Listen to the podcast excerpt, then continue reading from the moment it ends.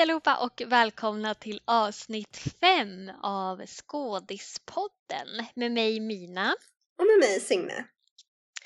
Och eh, för er som inte har lyssnat tidigare, vi kanske har några som, som droppar in så här på avsnitt fem. Jag vet inte, vad tror du Signe? Så skulle det kunna vara. Kanske är någon som är extra intresserad av just det här ämnet.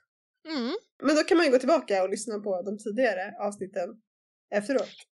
Ja, när de inser hur fantastiska vi är, då vill man lyssna på alla avsnitt. Men det här är i alla fall en podd om underhållningsindustrin och livet som skådespelare.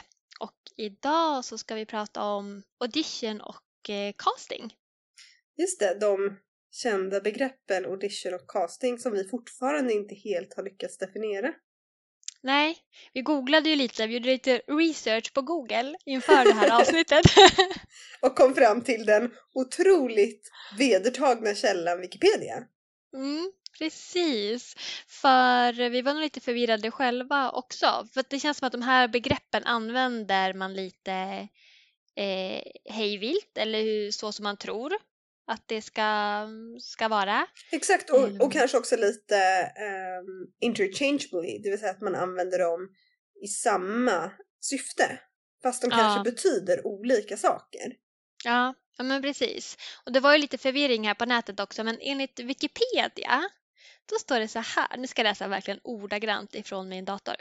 Ehm, då står det att audition är ett uttagningsprov, scenprov, provsjungning eller provspelning för artister.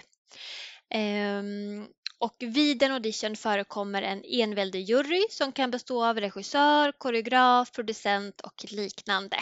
Deltagarna ombeds att framföra en sång, koreografisk kombination, monolog eller improvisation, antingen solo eller i grupp.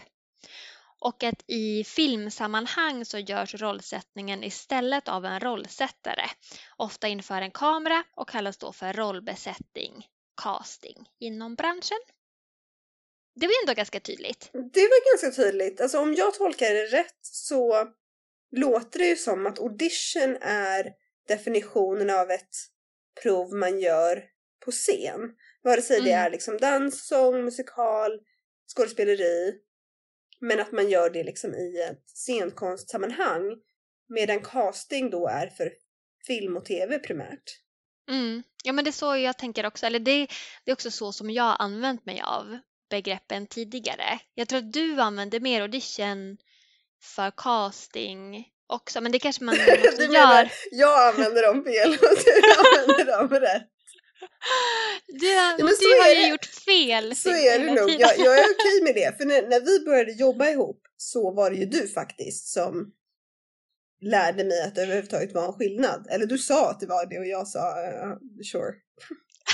Ehm, nej men så jag tror att jag har nog aldrig använt casting i diskussioner om scen eller teater. Däremot tror jag definitivt att jag har använt begreppet audition för ehm, film och tv-prov eller liksom för Ja, film och tv-castings. Mm. ja, ja.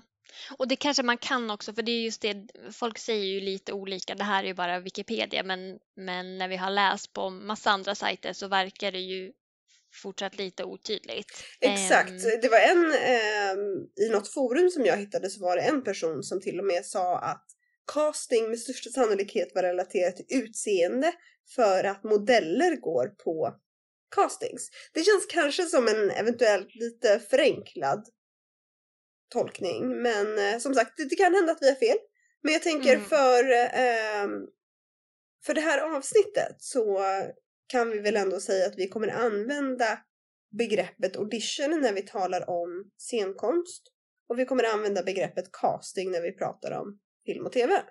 mm, Men Mina, du är ju ändå den av oss två som har mest erfarenhet av scenkonst och då auditions. För jag har ju Mm. framförallt gjort auditions i sammanhang som är kopplade till skola eller skolföreställningar och så vidare. Medan du har väl ändå gjort ganska många professionella auditions. Mm. Ehm, ja men det har jag gjort. Ehm, sökt mycket så här, teaterproduktioner och så och gått på audition inför, inför det.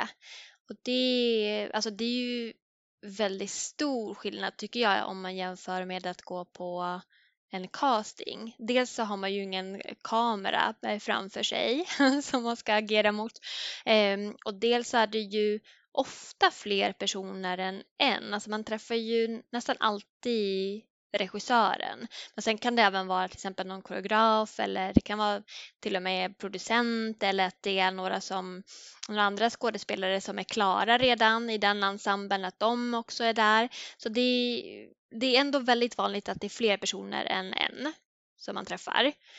Och även att det är eh, väldigt mycket mer text man ska lära sig innan. Just det.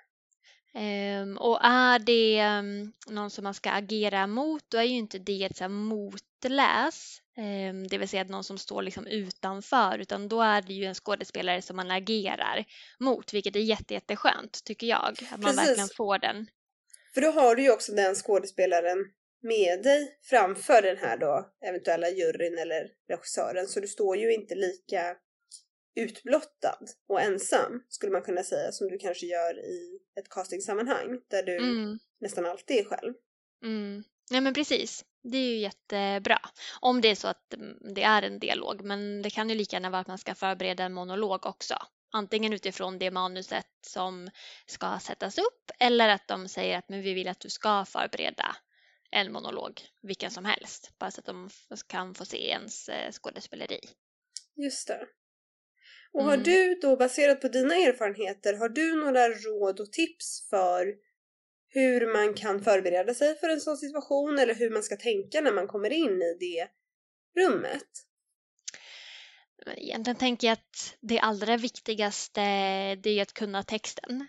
Och det är väl oavsett om man går på audition eller casting att man verkligen kunna texten. Att den sitter så pass i ryggen Alltså att man har pluggat så mycket så att när de ändrar alla scenerier och gör om allting så som man har tänkt sig och säger gör på det här sättet istället så kan man fortfarande eh, texten. Mm. Um, för det gör ju att man kan slappna av på ett helt annat sätt och verkligen ha kul och kanske improvisera och ta till sig av den regin som man många gånger får.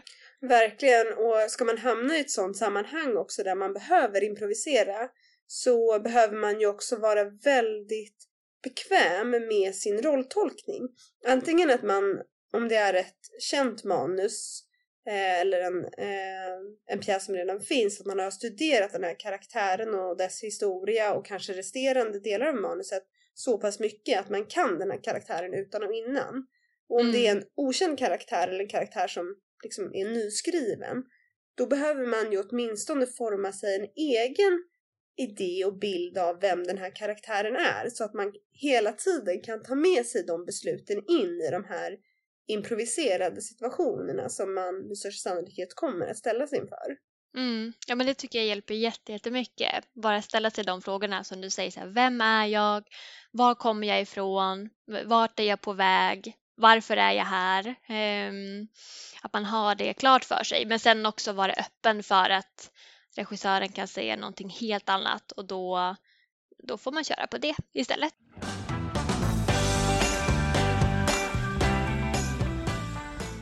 Men det är det som är så kul också, eller tycker jag, att man vet inte vad som ska hända. Och så länge man kan texten, det har ju hänt några gånger att jag faktiskt har tappat text, men jag tänker att det som vi har pratat om förut också tror jag att, eller som jag nämnt att att eh, regissören eller rollsättaren eller oavsett vem det är man träffar så vill ju de se eh, eller de vill ju ens allra allra bästa mm. i den här situationen.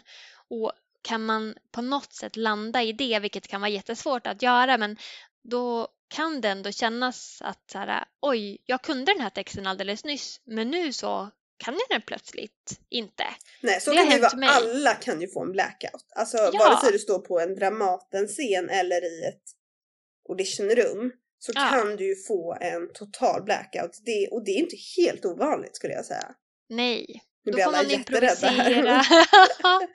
Nej men gud, det har hänt mig både på scen, alltså när man har kört föreställning inför en jättestor publik och i auditionsammanhang så har, det, så har det hänt. Och då, ja, då får man förhålla sig till det helt enkelt. Exakt. Ja, men jag tänker att ehm, Och det det, har ju är- hänt dig. Åh, det vet jag ju. Verkligen har hänt dig. Ja, det har hänt. Åh herregud. Ja. Nej men det var, det var ju faktiskt inte att jag, eh, jag tror att den situationen du tänker på, det var ju faktiskt inte att jag ehm, glömde texten. Det Nej. här var 100% bara ehm, ett eh, rookie-misstag. Att jag var riktigt oförberedd eh, när jag Mm. gjorde ett ehm, auditionprov i, för en skola i Storbritannien. Jag skulle Mm. söka en jättefin, jätteprestigefylld skola. Jag åkte till London för att söka.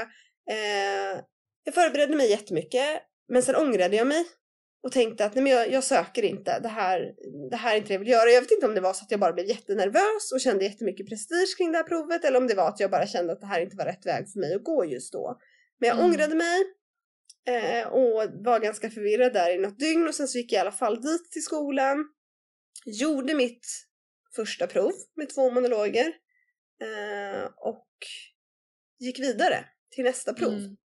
Eh, vilket jag inte alls var förberedd på överhuvudtaget för de tar vidare jättefå personer. Eh, och jag hade ingenting förberett inför nästa prov. Nej. Åh. Det var fruktansvärt.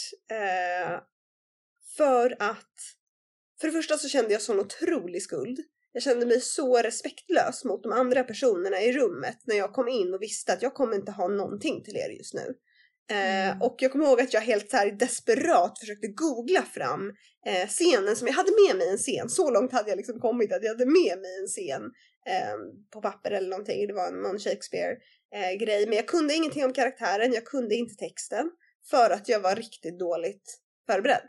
Ja. och jag försökte googla mig till vad pjäsen handlade om och vem karaktären var och vad jag skulle hamna i för sammanhang och det fanns ingen mottagning i den här byggnaden för det var någon gammal byggnad. Så jag kommer in i det här rummet och har noll och ingenting. Ja. Verkligen ingenting. Jag borde ha gått därifrån. Det, det har jag känt i tio år efteråt. Att jag borde bara ha sagt att hoppsan, jag fick influensa, jag måste därifrån nu. Eh, men det gjorde jag inte. Jag gick in i Nej. det där rummet och eh, gjorde kanske Storbritanniens genom historiernas sämsta auditionprov. Jag tror att alla förstod på en gång att det här är en person som inte har någon aning om vem det är hon spelar, eh, vem den här karaktären är, vad den här pjäsen handlar om. De ställer ju frågor ibland också. Det är inte helt ovanligt att de frågar liksom. Mm. Eh, vem är du? Varför är du här? Om just karaktären. Och jag hade inga svar på det. Den, den, det provet var över snabbt kan jag säga. Tyvärr var det, som du sa, nämnde i början, tyvärr var det ganska många i rummet. Så jag skämde rejält ut mig inför väldigt många människor. Eh, inför studenter på skolan, inför lärare, inför liksom alla som skulle bedöma det här. Needless to say, jag gick absolut inte vidare till något annat prov. Nej, du, du kom inte in. Jag kom inte in på den skolan, jag flydde tillbaka hem till Sverige med svansen mellan benen. Och det var liksom the end of my acting career höll jag på att säga. Nej men det var liksom, jag tror inte jag stod på scen under flera år efter det. Inte kanske Nej. nödvändigtvis för att jag hade så mycket ångest men bara för att jag kände att nu Signe behöver du fundera på vad det är du håller på med här. Men Jag tänker att det där är på något sätt också en, en sån himla fin så här, lärdom. Och för man tänker att så här, en, en regissör eller en rollsättare, den som liksom ser dig i det här rummet eller de som ser dig, de kan ju verkligen se att så här, okej, men är det här en person som har verkligen förberett sig allting men sen får en blackout när det kommer till text, att man tappar allting, men man är förberedd och man vill och man har lagt ner det här arbetet jämfört med en person som nej men, inte har lagt ner det arbetet. Absolut, gud det, Ehm. jag tror att det syns så tydligt. Jag menar jag har gjort andra auditionprov för andra skolor och liksom i andra sammanhang där jag har tappat text för att jag liksom troligtvis har blivit så nervös. Ja, Och då har jag liksom ändå kunnat få säga det att förlåt nu tappade jag text, får jag börja om?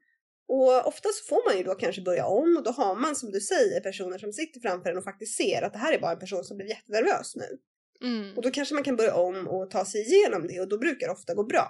Men det här var ju bara, jag hade liksom ingenting. Det var bara, jag hade ingenting att famla efter överhuvudtaget. nej, nej. Ehm. Åh, Jag tänker också att det där är nog de flesta skådespelares värsta mardröm. Alltså det Ja. där är sånt som jag på riktigt drömmer mardrömmar om. Att jag så står på scen och sen gärna i någon så här produktion som jag har spelat många gånger tidigare där jag borde kunna eh, allting. Men sen så står jag där och minns ingenting för jag har inte, jag kanske inte har spelat den på ett år och jag har inte repat in den överhuvudtaget. Exakt, Jag bara exakt. tänker att det här ska jag kunna. Ja, ja, den drömmer jag också jätteofta. Just den här produktionen jag har varit med i. Mm. Och bara så här, nej men gud, nu har jag helt glömt bort allting liksom. Ja, för jag har inte repat sen. Nej, jag har inte repat. Och det tänker jag ibland, det finns ju jättemånga teaterskådisar som gör föreställningar år efter år efter år och kanske faktiskt har ett uppehåll länge och sådär. Ja. Vilket jobb ändå att hela tiden eh, hålla liksom, att hela tiden smörja det där någonstans. Så Ja. du, för där, det kan ju hända att du är så övertygad om att nej men det här kan jag nu. Mm. Och sen helt plötsligt så säger hjärnan "Mm, nej, det kan du inte. Jag var, jag var faktiskt med om det en gång när jag var på en teaterföreställning. Man har varit med om ganska ofta att, att eh, skådespelare blir eh, sufflerade liksom. Mm. Eh, men det här var faktiskt en enmansföreställning med en jätteduktig svensk skådespelerska vars namn jag inte ska nämna nu. Eh, jag outar bara mig själv i den här podden. Eh, nej men det var en jättefantastisk föreställning, tror jag att det hade varit. Eh, och det var kanske en, vad kan det varit, en och en halv timmes enmansföreställning. Mm. Och hon tappade text. Men på nivån att hon fick en total blackout. Man såg flera gånger gick hon av scen och läste manus. Det såg man liksom i, i byxorna sådär att hon hämtade manus för att försöka komma tillbaka. Men det var verkligen en sån där total blackout. Hon kom inte tillbaka. Hon Nej. hittade inte tillbaka till texten. Vilket gjorde att hon var faktiskt tvungen att gå ut inför hela den här liksom fullsatta teatersalongen och säga jag är jätteledsen men jag har fått en total blackout, jag kan inte återhämta mig. Jag behöver Nej. avsluta kvällen här. Alltså fy vilken ångest, alltså sån total ångest. Och sen tänker jag också så här nästa dag när hon ska gå upp på den här scenen igen. Ja, Och snacka om att och hoppa, hoppa tillbaka i sadeln eller vad det heter. Ja, exakt. För, för jag kan ändå säga från mitt håll, jag, jag vet inte om jag tänkte annorlunda för att jag är skådespelare, men jag kände ju inget annat än bara sympati. Jag Ja. ville liksom ställa mig upp och applådera och bara så här: yes queen! Gå Mm. av scenen, gör din grej, gå och ta en öl, ha det nice! Alltså ja, det var ju så ingen... himla modigt. Så här, det Ja. var verkligen modigt. För jag tänker, tänker att du behöver någonstans så behöver du också återbetala alla biljetter, du behöver tala om för teatern hur, vad som hände, alltså det, det blir ju lite någon Ja, sorts efterdyning så. Men det var ju verkligen så här, man kunde se på henne, i alla fall om man själv har gjort det här, att liksom det var bara hennes hjärna stängde bara av. Det var som att den här Mm. pjäsen som hon med säkerhet hade repat i ett års tid, den var bara borta. Ja. Så att, ja. ja, men sammanfattningsvis för audition. ehm, vet din karaktär, lär känna din karaktär och lär dig all text utan och innan så att den verkligen sitter i ryggraden. Mm. Mm. Och som alltid, kom i tid. Ja, det, det där känns som att man behöver inte säga, men man behöver nog säga det. Ja, jag vet inte, vi Eh, kanske till och med har sagt det här tidigare i podden, men det är så himla viktigt. Jag tror jag säger det här varenda gång jag pratar med skådespelare som ställer frågor till mig om auditions och castings. Mm, Och det känns så banalt att behöva säga det. Men grejen är, för både liksom auditionsammanhang och castingsammanhang så har personerna som är där för att bedöma dig har ju allokerat en tid. Och mm, går du på en casting då är det ofta kanske 10 minuter som du har på dig innan nästa skådespelare kommer in och är du då sen så är det inte ens säkert att du får komma in i rummet faktiskt. nej, nej, men precis. Jag vet, jag pratade med en, eller intervjuade en så fransk eh, casting director och hon sa det att det är någon liksom grej i Frankrike att man ska komma för sent och det är jättefrustrerande för alla liksom casting directors för att man ska vara, man ska mm, ställa sig lite så här nonchalant till eh, Nej. Det är ju faktiskt nästan tvärtom i Sverige. Det är ju verkligen, mm, visa dig aldrig nonchalant för processen. Nej, nej, För att jag menar, även om man vill verka lite kaxig och komma in i ett rum och tänka men jag bryr mig inte om jag får den här rollen eller inte. Som rollsättare så är ju det faktiskt, alltså det upplevs bara drygt. Det upplevs ganska sällan coolt, även om det är den attityden man vill förmedla gärna. Ja, för så här, varför är du här om du inte vill ha rollen då? Exakt, då kan vi ju ge den till nästa person som faktiskt vill ha den. Side note, men finns det någonting mer frustrerande som skådespelare att se en person som får en jättestor roll och sen sitter i Nyhetsmorgons TV4-soffa och säger men jag vill inte ens bli skådis, det var bara någon rolig grej. Ja, ah, ah. Gud vad jag har hört det från ganska många som eh, kom in på scenskolan när jag inte kom in på scenskolan. som sa att de ville inte ens komma in. Jag ska strypa dig! Nej, men alltså, jag, jag, förstår att man kan känna så. Det finns ju verkligen personer som bara halkar in på eh, skådespeleri utan att mm. det är mm. deras största dröm. Uh, men sitt inte på bästa sändningstid och säg det. För det Nej. finns folk som lägger ner sitt liv, sin själ, sitt livs besparingar på att få den där rollen som du fick. Ja, kan du åtminstone ha det som en liten dröm? ja, exakt, säg att du blev, säg i alla fall att du blev jätteglad och att din mormor blev jättestolt. Så man har någonting som man liksom kan hålla fast vid. Men sitt inte och säg att du typ inte bryr dig eller att det var det tråkigaste du har gjort. uh, side note. Ja.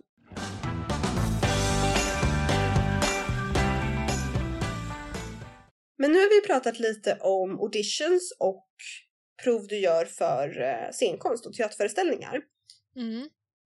Och det är ju faktiskt ganska stor skillnad när man gör en casting som vi nu har kommit fram till är för film och tv, även om jag ibland har kallat det för audition då. Precis. Felaktigt, eventuellt.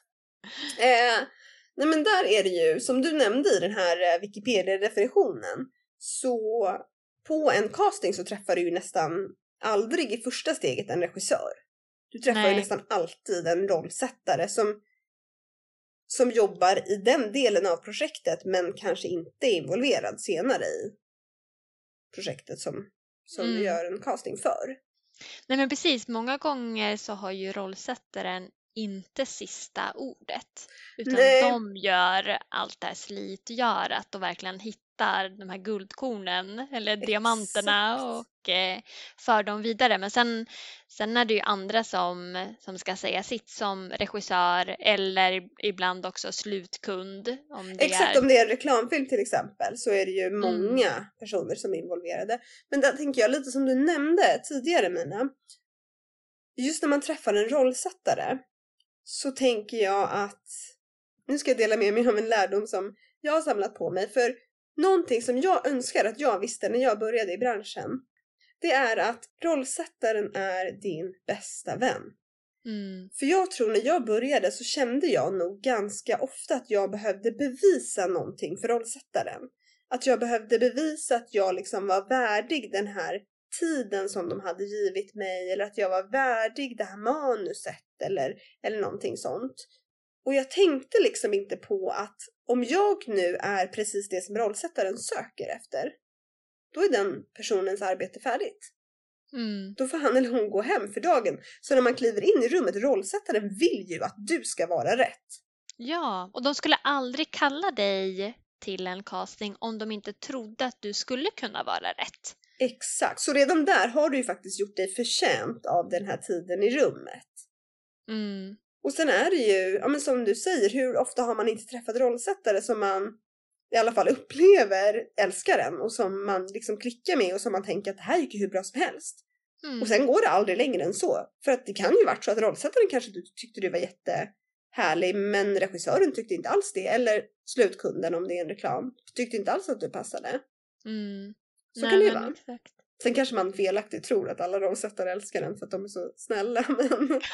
de får alla känna så. så. Ja, det hoppas jag. Det ja. hoppas jag faktiskt ändå. Ja, men precis. Det är ju ändå deras jobb, eller en del av deras jobb, att få skådespelaren att känna sig så pass trygg i rummet att man, man kan slappna av och leverera. Så ja. man kan ge dem det som de vill ha eller det som de letar efter. Verkligen. När man gör en casting så är det ju också, precis som när man gör en audition, viktigt att man kan texten om man har fått den. För det är ju inte mm. alltid man får en text. Ibland kan det ju vara att man kommer in och får texten på plats faktiskt. Ja, ja men precis. Få text på plats eller att man bara ska improvisera utifrån någon situation som man också får då på plats. Som man alltid gör i reklamfilm. Ja, men det, varför gör man alltid det? Och man har aldrig någon rekvisita heller. Man ska alltid så här, du lyfter den här skålen och så ska du sätta upp den på hyllan. Sen öppnar du en dörr. Men man har ingenting, av det Ingenting. där. Nej, verkligen inte. Alltså, Man bara, jag blev en mimartist och jag är asdålig på det. Ja, ja, ja, men det är ju en helt annan typ av skådespeleri tycker jag. Alltså, min acting coach i Los Angeles berättade det för mig. Eh, att han hade varit på någon audition för ett bilmärke. Mm. Och det enda han skulle göra var att öppna en bildörr. Det är liksom, och, alltså improvisera då, mima Ja. att han öppnade en bildörr. Och det går Ja. i princip bara att göra på ett sätt. Och han fick inte den här rollen. Och han tänkte liksom så här, skulle jag ha öppnat uppåt som att det var en sportbil? Eller vad liksom, vad gjorde jag för fel? Och jag tänker att så är det ju just jättemycket med reklam. Jag coachade en tjej idag som skulle göra sin första self-tape. Kul.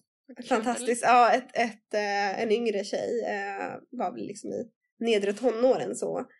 Och hon eh, ja, men, bad om hjälp. Och hon skulle också, det var också för någon reklamfilm antar jag, för hon skulle spela ut ett glas milkshake. Det var liksom Mm. det.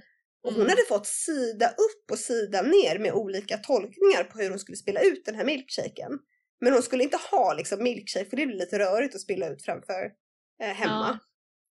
Utan hon skulle bara, den här stackars 13-14-åringen, liksom spilla ut en milkshake på 15 olika sätt. Okej. Framför sin mamma när hon gjorde en selfie. Alltså det är, ja, det är absurda situationer när man gör just reklam tycker jag. Ja, verkligen.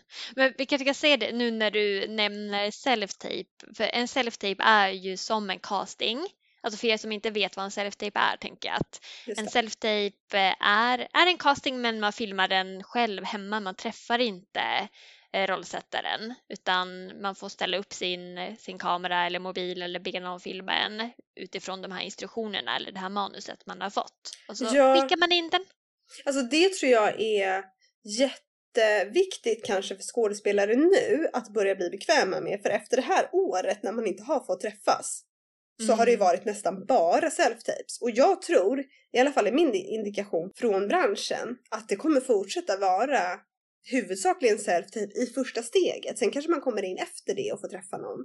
det är så bra med self-tape också och jag tänker som du att jag tror också att det kommer fortsätta för att det dels så blir, blir ju ens tid mycket mer eh, flexibel för man måste inte ta sig till den här platsen och dels så öppnar det ju också upp för skådespelare som inte bor exakt där den här eh, filmen ska spelas in till exempel eller där provfilmningen sker eh, att man ändå kan skicka en self-tape fast man bor 70 mil därifrån. Ja, det är verkligen fantastiskt. Alltså, jag tänker framförallt för de som inte bor i typ Stockholm och Göteborg där många castings annars sker.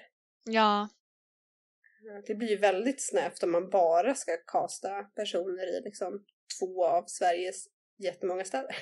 Mm. Men en annan grej som är vanligt att man skickar in just nu, alltså oavsett om man gör en reklamfilm, tv-serie, film, är ju en prestationsvideo. Mm.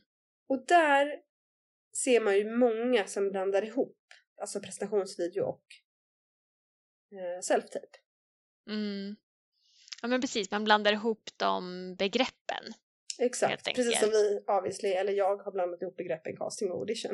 Eh, nej men en prestationsvideo det är ju verkligen bara 45 till 60 sekunder där du berättar vem du är och är dig själv och tittar rakt in i kameran. Ja, namn, ålder, var bor du? Har du någon tidigare erfarenhet? Eller berätta någonting kort om dig själv. Mm. Och där ser jag också att det är många som kanske pratar lite för mycket, eller som du säger att det blir nästan som en, en self-tape för att de går in i någon form av karaktär eller försöker Ja, det. Eller leverera att man ska någonting annat. pitcha sig själv jättemycket och tala om Ja. liksom. Det behöver man ju faktiskt inte göra. Jag tänker att att visa sin skådespelartalang eller varför man passar för just den här rollen, det gör man ju sen då om man får spela in en self-tape eller komma in på en casting.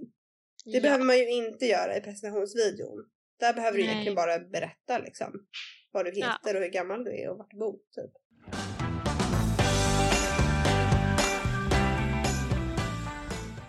Men en grej som jag tycker är så viktigt när det gäller just self-tape och prestationsvideo eller all liksom form av eget inspelat material. Det är ju bakgrunden. Mm. Alltså att man filmar mot typ en vägg eller en annan neutral bakgrund. För jag har sett de sjukaste videosarna någonsin där man ser liksom katter och det är bebisar och det är någon man som kommer ut från toaletten och det är liksom det ena med det femte som händer här bakom. Hade inte du att din sambo stod och diskade när du spelade in? Jo, den senaste self-tapen jag gjorde då stod min sambo i köket, alltså inte i samma rum, men han stod i köket och började diska och det lät så otroligt högt. Så att när jag lyssnade igenom de här scenerna sen som jag hade spelat in så bara hör man värsta så här dunsarna i bakgrunden. Ja, alltså jag har ju haft min, eh, min valp har gjort några appearances. Ja, Här, nu hör jag honom här faktiskt. Nu står han här och krafsar på dörren. Han hörde väl att jag sa ordet valp. Nej, han har ju verkligen försökt hoppa in lite, lite då och då. Men det är ju, ja, nej, gör inte det. För nej. Då, då tänker, och inte för att så här, du har säkert ett jättefint hem och en jättefin sambo, men man tänker ju på allt annat som pågår där bakom då. Ja, precis. Och ställ gärna upp liksom kameran om du inte har någon som kan filma dig. ehm, så att man kan stå helt avspänd. Filma liksom aldrig i selfie mode. Nej, då är det nästan Ehm. bättre att antingen vänta tills man kan liksom ha någon som hjälper en. Eller att försöka proppa upp kameran på någonting. Mm. Alltså det kan du ju göra på vad som helst. Jag har liksom, innan jag skaffade stativ och liksom gjorde någon grej av det där så har jag alltså haft ett gitarrcase och sen så sju böcker ovanpå och sen någon skolåda och sen liksom försökt ställa upp någon kamera ovanpå det. Det är inte att Mm. rekommendera. Nej men gud, fast jag gör det. Jag ställer alltid upp, upp i bokhyllan. Mm. Eh, Ja men det är perfekt, alltså så länge man har en bra positionerad bokhylla.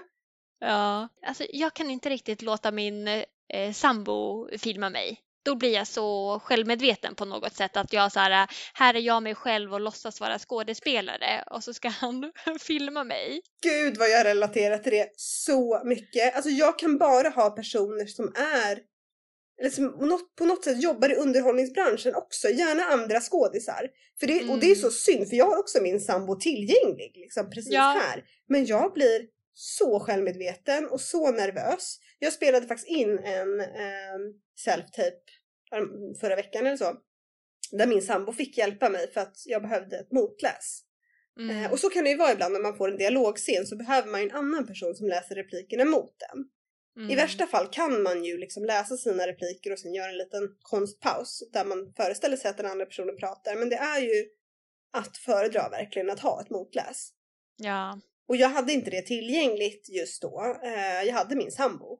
Ehm, och han var jätteduktig. Han var så duktig. Men ja, det tog oss liksom. Jag tror att vi, vi satt hela kvällen innan och pratade igenom och jag förklarade för honom exakt hur jag ville ha det och hur han inte fick göra och att han inte fick skratta där och inte titta på mig konstigt när jag sa det och så Mm. vidare. Och sen fick jag liksom förklara hur en hel eh, self-tape process går till. Att han till exempel, och det här tycker jag är så bra att säga med motläs, att han inte fick sitta för nära kameran.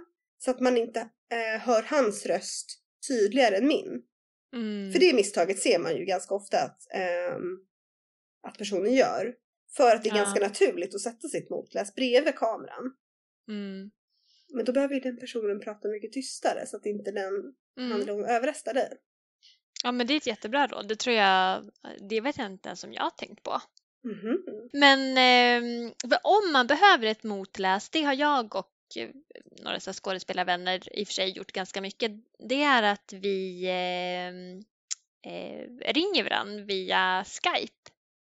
Ah, smart. Då så har liksom den personen då som ska göra self-tapen har liksom ställt upp kameran så att den är mot sig eller ställt upp den på datorn eller filmar via datorn kanske till och med beroende på.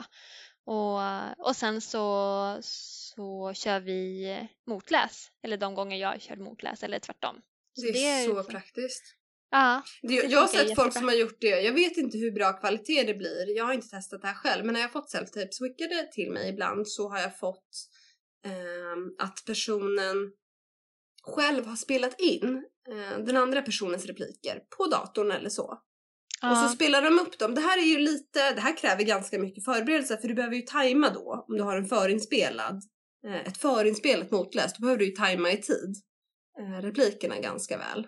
Mm. Så att du säger dina hela tiden. Jag har ju sett det här fungera jättebra. Jag är inte helt säker på att jag hade klarat av det för jag har inte så bra timing. Men Nej, det är ganska svårt. Det, det lämnar ju inget utrymme till att ta någon form av annan konstpaus eller säga det på ett, på ett annat sätt. nej, Eh, exakt. Så det de kanske inte är att rekommendera men det är det är ju en nödlösning liksom om man behöver. Ja. Men en annan grej som finns, eh, det finns ju eh, det finns Facebookgrupper.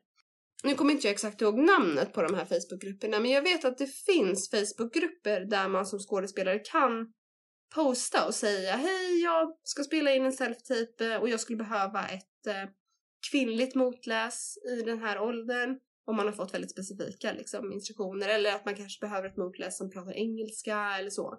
Eh, Så det Mm. finns ju liksom ett community där ute där man kan, om man inte har en massa folk runt omkring sig, så Mm. kan man ju leta där, Ja, tänker ja jag. det är jättebra. Men om vi ska sammanfatta lite kring just det här med castings. Nu har vi ju nämnt lite att det ganska ofta är så att man skickar in en self-tape. Men det händer ju ändå att man får komma in i rummet. Har du några liksom lärdomar kring det, Mina, som du skulle vilja dela med dig? Eh, men det är väl det som vi har sagt att eh, rollsättaren är din bästa vän och eh, lär dig texten eh, och även var beredd på att det kan vara väldigt ont om tid från det att du kanske får det här manuset tills att du ska gå på castingen. Ehm, jag vet själv att jag har fått vid fler tillfällen än ett en, ett manus på så här fem, sex sidor med massvis med text klockan tio på kvällen och sen ska jag dit på morgonen dagen därpå. Och så säger de, ja men du får ju ha pappret men det är ju bra om du kan texten. Alltså, så säger de ju alltid och det tycker jag är så intressant för att det är ju okej om du behöver ha pappret. Eh, och det har ju också att göra med att det är ju väldigt olika hur lätt man har för att lära sig text. Vissa Mm. skådespelare har ju nästan till fotografiskt minne och kan läsa igenom det där en gång och, och komma in i ett rum medan andra kanske har jättesvårt för att lära sig text och behöver arbeta på specifika sätt och så. Mm. Men någonting som, som jag har tänkt på mycket är att även om man känner att man inte hinner lära sig texten och att rollsättaren säger att det är okej att man inte kan den så är det så fördelaktigt för det du ska göra i rummet om du kan texten. För att du kommer ha en kamera där vilket gör att om du hela tiden behöver titta ner i papperna så försvinner du och ditt skådespel med största sannolikhet en del. Vilket gör att rollsättaren eller kameran kanske missar de här guldkornen i din performance. Mm. Så där blir det ju lite catch 22 att ja, du får ha pappret men det är ju bättre för din casting om du klarar dig utan. Ja, så rådet är plugga hela natten. Plugga hela natten, sover ingenting. Eh, nej men och sen kan det ju faktiskt vara, jag vet inte om det är någon som drar nytta av det här rådet, men, men jag personligen, även om jag känner att oh, jag borde kanske ha texten, jag vet inte. Jag brukar lägga undan den ändå. För att så fort jag håller i pappret så vill jag titta fast att jag kanske kan texten. Mm. Ja, men verkligen, jag håller med. Jag fungerar nog likadant. Mm, När, när pappret är där, då vill man gärna eh, kika dit. precis. Jag brukar lägga det upp och ner, att det finns liksom nära till hands så att om det så här krisar så finns det där men jag har upp och ner så att jag, mina ögon kan inte snegla dit. Exakt, nej men verkligen så kan det ju vara. Och man kan ju ibland få alltså, någon som hjälper en med texten. Om motläset är lite schysst så kanske de ger en ens repliker om man råkar glömma bort helt. Mm. Ja, Ja men det är väl det om man skulle kunna säga hur mycket som helst säkert om castings och auditions. Eh, det vore superkul. Hur roligt vore det inte om folk som lyssnar på det här ville dela med sig lite av sina galna erfarenheter. Det måste ju vara fler än vi som har haft absurda castings eller gjort fatala Mm. misstag. mm. Det vore ju väldigt roligt om folk som lyssnar på det här ville dela med sig av det. Kanske skicka ett mail eh, med någon rolig historia. Eller hur? Sen kan vi ha ett helt avsnitt där vi bara berättar knäppa castingtillfällen. Exakt. Jag tror att med Sveriges eh, skådespelarpool så lär vi nog kunna fylla upp Mm. ett par avsnitt. Ja, men om ni vill höra av er till oss och berätta era knäppa historier så kan ni mejla oss på skadispodden gmail.com eller skriva till oss på Instagram där vi också Mm. heter Skadispodden. Skadispodden. Tack allihopa för att ni har lyssnat idag. Nästa vecka så kommer vi prata lite om skådespelartekniker som man kan använda sig av eller studera. Jag vet att jag har bockat av en hel del och det tror jag du också har gjort Signe. Mm, absolut. En hel del som funkar och en hel del som inte funkar. Mm. Så ja, det var det. Stort tack för att ni har lyssnat. Följ oss jättegärna, tryck på subscribe-knappen. Hör av er om ni har några roliga berättelser. Så hörs vi igen nästa vecka. Hejdå! Hej då!